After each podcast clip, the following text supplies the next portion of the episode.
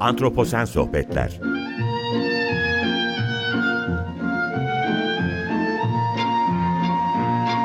Hazırlayan ve sunan Utku Perktaş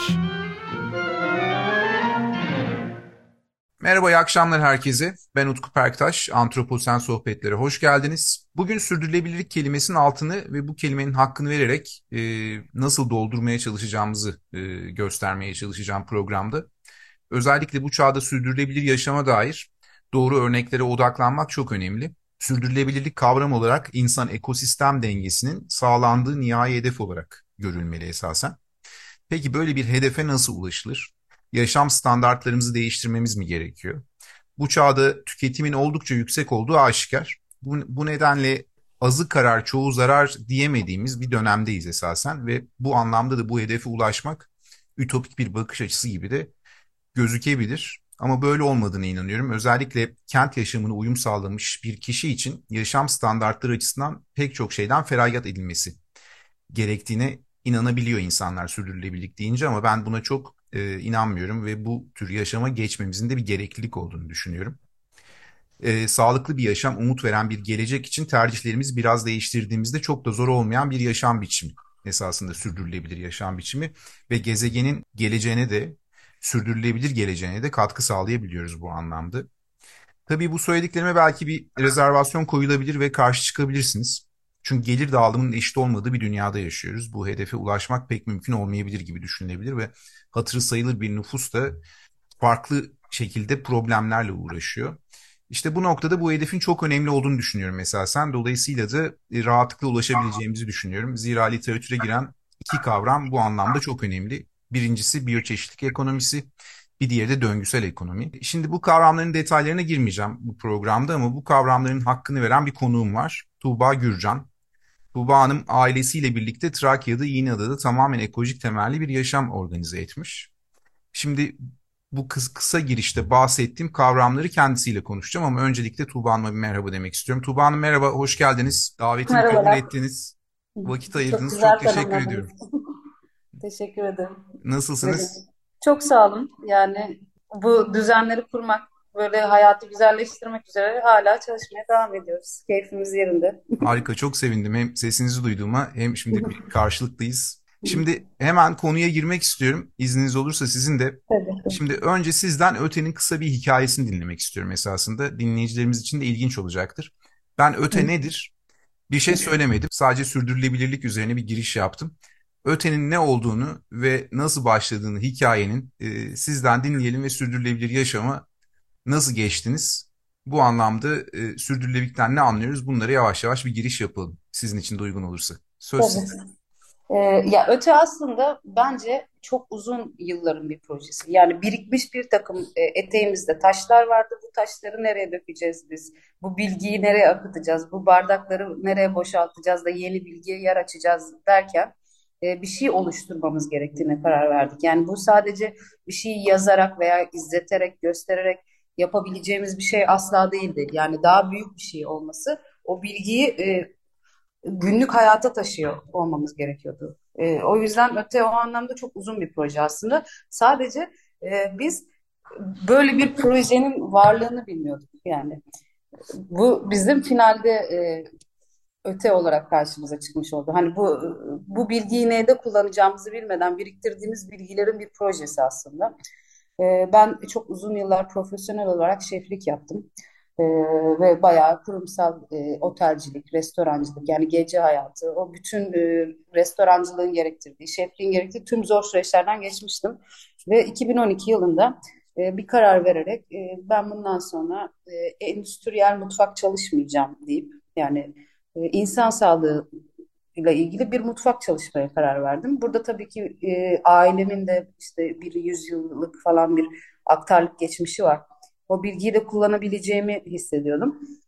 Ve biz e, seyahat etmeye başladık. Yani bir hayli dünyanın çeşitli yerlerinde ve Türkiye'nin çeşitli yerlerinde e, yemek yaptım ben çok fazla. Ve işte çok fazla permakültür çiftliklerinde yaşadım.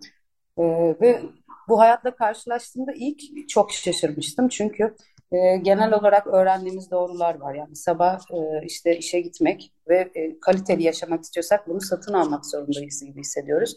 İnanın e, bundan çok başka bir yerdeymiş senaryo. Yani kendinizi bir anda böyle bir e, bilgisayarın arka planındaki kişi yani insanların ofisinde o hayal kurduğu, baktığı kişinin siz olduğunu görebiliyorsunuz. Eğer e, şehir hayatının size öğrettiği şeylerden vazgeçmeyi kabul ederseniz. O sırada e, tabii ki biz üç ortağız. İşte Evrim ve Ömer de kendi hikayelerine evriliyorlardı. Yani Ömer işte yönetmen olması, e, kendini yönetmen olarak yetiştiriyor. Evrim yazılımcı, yazılım şirketi olan bir arkadaşımız. Yani biz üçümüz kendi hikayelerimizde e, bilgileri toplayıp e, sonra e, ben işte yurt dışından dönmüştüm Türkiye'ye. Aslında Ömer'in ya e, ve çok uzun yıllar arkadaşlarımdan ve çevremden aslında çok uzakta kalmıştım. Şöyle bir kararla dönmüştüm. Hani bundan sonra e, yok permakültür. Ben artık şehirdeyim dediğim bir noktada pandemi patlamadı ve Ömer dedi ki ya niye gitmiyoruz o zaman? Ve e, şeyi düşündüm başta yani gerçekten şehirde mi olmak istiyorum? E, ve aslında yıllardır bir özgürlüğü öğrenmiştim yani o mu doğrusu diye. Ve sonra e, insan bence e, niyetinde çok net olduğu zaman direkt önüne düşüyor hiç. Yani biz yıllarca hiçbir yer aramadık. Yani bu kararı verdikten iki ay sonra e, ilk böyle satın mı alabiliriz acaba dedik. Hani e, çok büyük bir maddi projeyle başlamadı inanın. Yani herkes koşup e, çalışıp o hafta parasını getirip işte bu haftada bu kadar koyabiliyorum diyerek. Yani üç e, yakın dostun bu, böyle başladığı bir iş bu. E, ve orada e, şunu fark ettim ki e, mülkiyetçi davranmamıza da gerek yok. Mesela dünyada bir alanı güzelleştirmek ve orayı o ekosistemini e, muhafızlık edebilmek aslında. Ve bu size çok acayip bir hayat e, ve dünya görüşü ve e, kesinlikle o hani şehir hayatında şu an konuşulmuş o depresif o her şeyden uzak fiziksel olarak çalıştığınız organik gerçek insanı dönüştüren bir format sunuyor size. Ve bu anlamda biz sadece hani e, o zaman bir yer bakıyor muyuz dediğimiz noktada iki ay sonra önümüze bu İğneada longozları, üçümüzün de hayatında hiç gitmediği İğneada'daki bir anda o e, sizin de misafir ettiğimiz o e, yuva çıktı karşımıza ve dedik ki okey mülkiyetçi de değiliz. Biz bunu satın da almayalım. E, bir kira kontratı yaptık önce. E, şükürler olsun ki bizimle birlikte olan yani o yerimizin sahibi de bundan 20-30 yıl önce böyle permakültürle falan e, uğraşan işte çok ciddi derya deniz bilgisi olan biriydi. Ve bize e, şu ana kadar orayı hiç kimseye vermediğini fakat bu tip bir şey için sonsuza kadar alanın açık olduğunu belirtince hemen böyle e, bunu buna giriştik ve şunu söylemek istiyorum. Bu kısım benim için çok önemli. Şimdi insanlar bu tip kararlar aldığında öncelikle hemen şeyleri araştırmaya başlıyorlar. İşte buraya bir örtbek mi yapmam gerekiyor? Doğal yapım yapmam gerekiyor? O yani e, bence meselemiz e, bu permakültür ve öte gibi çiftliklerin kurulumundaki en temel konu ilk önce sizin sabah e, mutlak huzurlu uyandıracak alanı oluşturmak. O sırada orada mevcut işte atıyorum bir depo mudur, ahır mıdır onu mu dönüştürürsünüz? Yani öncelikle aslında kendimizden başlamamız gerekiyor hikaye. Biz genellikle bu tip işlere giriştiğimizde çok karmaşık bir yerden başladığımız için başarısızlıklarla sonuçlanıyor. Yani önce örtbek, yani örtbek çok ciddi bir konu. İnsanlar 10 yıl boyunca saman ev yapmak üzerine milyonlarca deneyim kazanıyorlar ve biz hiç şehirden direkt bir alana gidip bunu yapmak çok zor. O yüzden biz mevcut orada yıkık, harabe olan şeylerimizin etrafına bir duvar örelim. Önce kendimizi bir duvarın içine koyalım dedik. Ve ondan sonra projemize başladık. Ee, öte benim için bütün yani son 10 yılım yani arkadaşlarım için de eşim için de herkes için aynı şeyi söyleyebilirim. Son 10 yıllık bizim bilgi birikimimizi e, şu an şekillendirdiğimiz yer. E, olaya böyle baktığımız zaman aslında meselenin bir yani bir şeyden kurtarmak gerekiyor permakültür kelimesini. Permakültür bir tarla yapmak demek değil. Yani permakültür bir işte güneş enerjisiyle elektrik sağlamak değil. Permakültür bir yaşam biçimi. Yani bütün e, sizin elinizdeki yani aynı şekilde sizin için de söylüyorum. Mesela bir akademisyen olarak hangi bilgiye sahipseniz siz o kendi alanınızda e, o yuva dediğiniz alanda neyi o bilgiyle dönüştürebiliyorsanız bence o bir permakültür aslında. Yani öte çok, bence bunun karşılığı. Çok teşekkürler. Çok doğru söylediniz. e, siz hani bir bilgi birikimi var elinizde ve o bilgi birikimi de esasında hani benim de deneyimlediğim bir şey oldu. İki kere sizin e, ötede kaldık ve o kaldığımız sürece mevcut birikimlerinizi aslında genç insanlara da aktarıyorsunuz. Oradan da bir Evet. şey alıyorsunuz. Dolayısıyla bir etkileşimin olduğu bir kamptı benim için iki e, şeyde ve çok etkilenmiştim açıkçası. Elektriği kendinizin üretiyor olması yani her şeyi geri dönüşüme yani o döngüsel ekonomide girişten biraz bahsettim. Döngüsel ekonomiyi esasında e, belli ölçüde kendinize ilke edinmişsiniz gibi gözüküyor ve yeni dönemde literatüre giren bir de biyoçeşitlik ekonomisi var ki zaten Evet, İğneada bu anlamda da çok e, Türkiye'de eşsiz coğrafyalardan bir tanesi. Hem evet, dünyada hem inanılmaz bir yer gerçekten Longos ormanları. Bu anlamda çok çok güzel bir iş yaptığınızın ben burada e, altını çizmek Teşekkür istiyorum. ederim. Siz yokken de hep anlatıyorum ama e, sizin yüzünüze de tekrardan söylemek istiyorum bunu. Çünkü etkilenmiştim ben de çok eksik olmayın. Çok teşekkür ederim. Şimdi ben hemen ikinci soruya geçmek istiyorum. Bu güzel öte hikayesini dinledikten sonra sürdürülebilirliği sizin kurduğunuz yaşam ortamında peki nasıl algılıyoruz? Çünkü ben hani sürdürülebilirlik tanımı yaptım. E, bugün insanların ağzına da çok pelesenk olmuş bir kavram. Hem Evet, iklim krizi yaşadığımız, biyoçeşitlik krizi yaşadığımız bu dönemde gezegenin geleceği için önemli de bir şey esasında. Hı hı. Bu kavramı biraz siz kendi perspektifinizden anlatabilir misiniz? Ve bir tür ekolojik yaşam döngüsü içindesiniz. Yani benim orada Evet. gördüğüm ve doğayla barış içindesiniz değil mi? Bir kere şey söylemek istiyorum. Biz mesela dışarıdan misafir de ağırlıyoruz biliyorsunuz. Ee, ben mesela şey olarak hani siz bu tarafıma zaten tanık olmuştunuz. Şeye çok kapalı biriyim. Hani e, alanınızda işte böcek var ya da işte sinek yani e, ben doğadaki hiçbir varlığa e, bunu böyle bir aktivist tutumla söylemiyorum yani e, inandığım dünya düzeninde e, her şeyin o- o- olduğu halinin iyi olduğunu düşünüyorum. Yani insan kendi olduğu ham haliyle iyi. En kötü duygusundan tutun en iyi duygusuna kadar. Yani siz aşırı e, kötümser ve kıskanç biri de olabilirsiniz. Bence mesele o tarafınızı görüp kabul edip hazmetmiş olmanızla alakalı. Yani ben günlük yaşantıyı da bu şekilde görüyorum.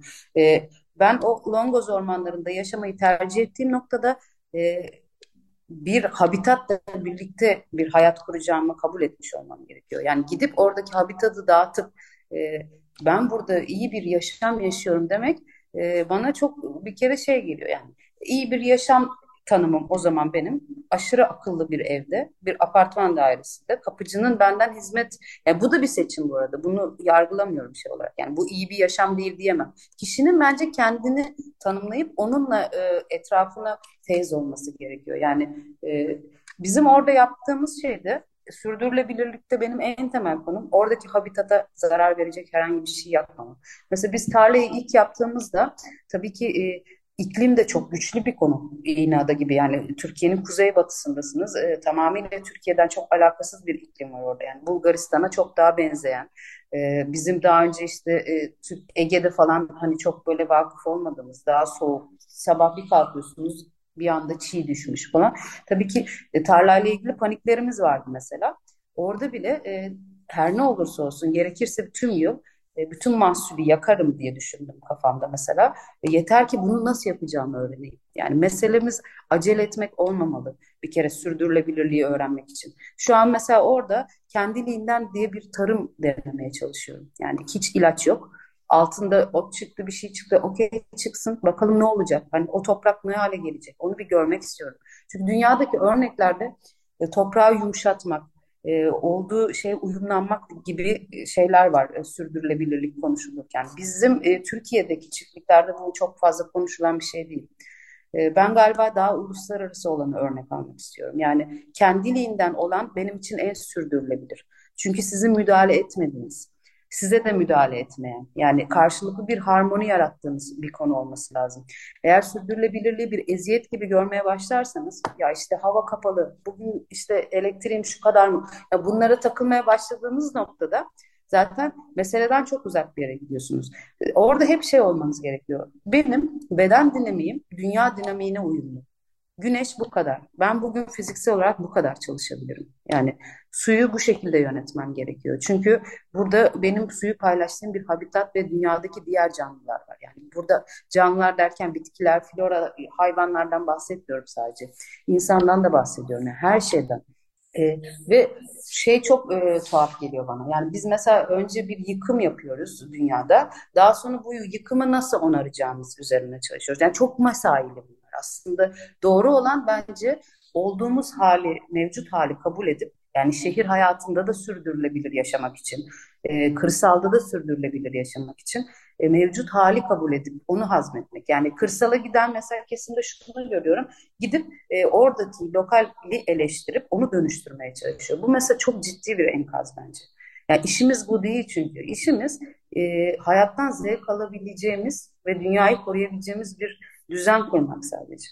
Yani e, hiçbirimizin bilgisi diğerinden çok daha iyi değil. Mesela bizim e, biliyorsunuz çiftliğimizde İsmail var. Siz de tanışmıştınız. Yani Evet, e, evet, evet. hayatında hiç şehre maruz kalmamış, ormanın içinde büyümüş, e, Mowgli gibi bir çocuk bakıldığında. Ve ben ondan öğrendiğim şeylere inanamıyorum yani. O kadar gezmiş biri olarak. Çünkü başka bir şey bu. E, siz bir yerlerde okuyor olurken birileri bir yerlerde bunu uyguluyor oluyor. E, sürdürülebilirlik bu bütün kalemlerin bence yan yana gelmesi. Yani mesela ilk, az önce şey demiştiniz ya gençlere de aktarıyorsunuz. Çünkü bence e, ekolojik yaşamak demek bir grup entelektüel insanın akşam şarap içip dünyaya işte e, şöyle mi bakmalıyız diye konuştuğu bir konu değil. Yani sürdürülebilirlik bir köprü.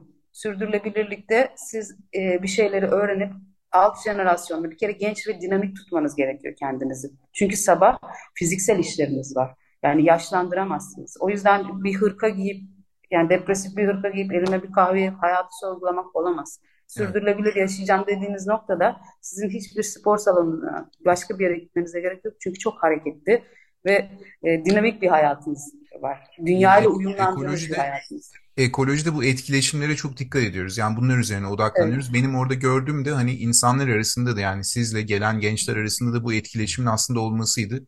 Dolayısıyla bu Evet. anlamda e, sürdürülebilirlik için çok böyle örnek projelerden biri olarak algılamıştım ben. Biliyorsunuz yani ben böyle 7-8 aylık bebeğimi de aynı şekilde Evet, orada. evet, evet, e, evet, Yani evet. onu da hiçbir koruma kalkanına koymadan e, Evet. orada bir şey sokabilir. Evet e, işte yılanla karşı da birçok şey olabilir. E, ama e, no- orijinali bu bence. Yani Evet, evet. organik insan Yani bu. orada tamamıyla doğayla barış içinde olan bir yaşam var, Evet. karşılıklı yani. Evet. Şimdi burada kent yaşamından da bahsettiniz hani konuşurken şeyi hı. merak ediyorum. Doğadaki yaşamı kent yaşamıyla karşılaştırdığınızda sizi etkileyen ne oldu? Hani kent yaşamıyla karşılaştırdığınızda zorlanıyorum dediğiniz, hani o yaşamdan bu yaşama geçmiş birisi olarak zorlanıyorum dediğiniz bir şey oldu mu?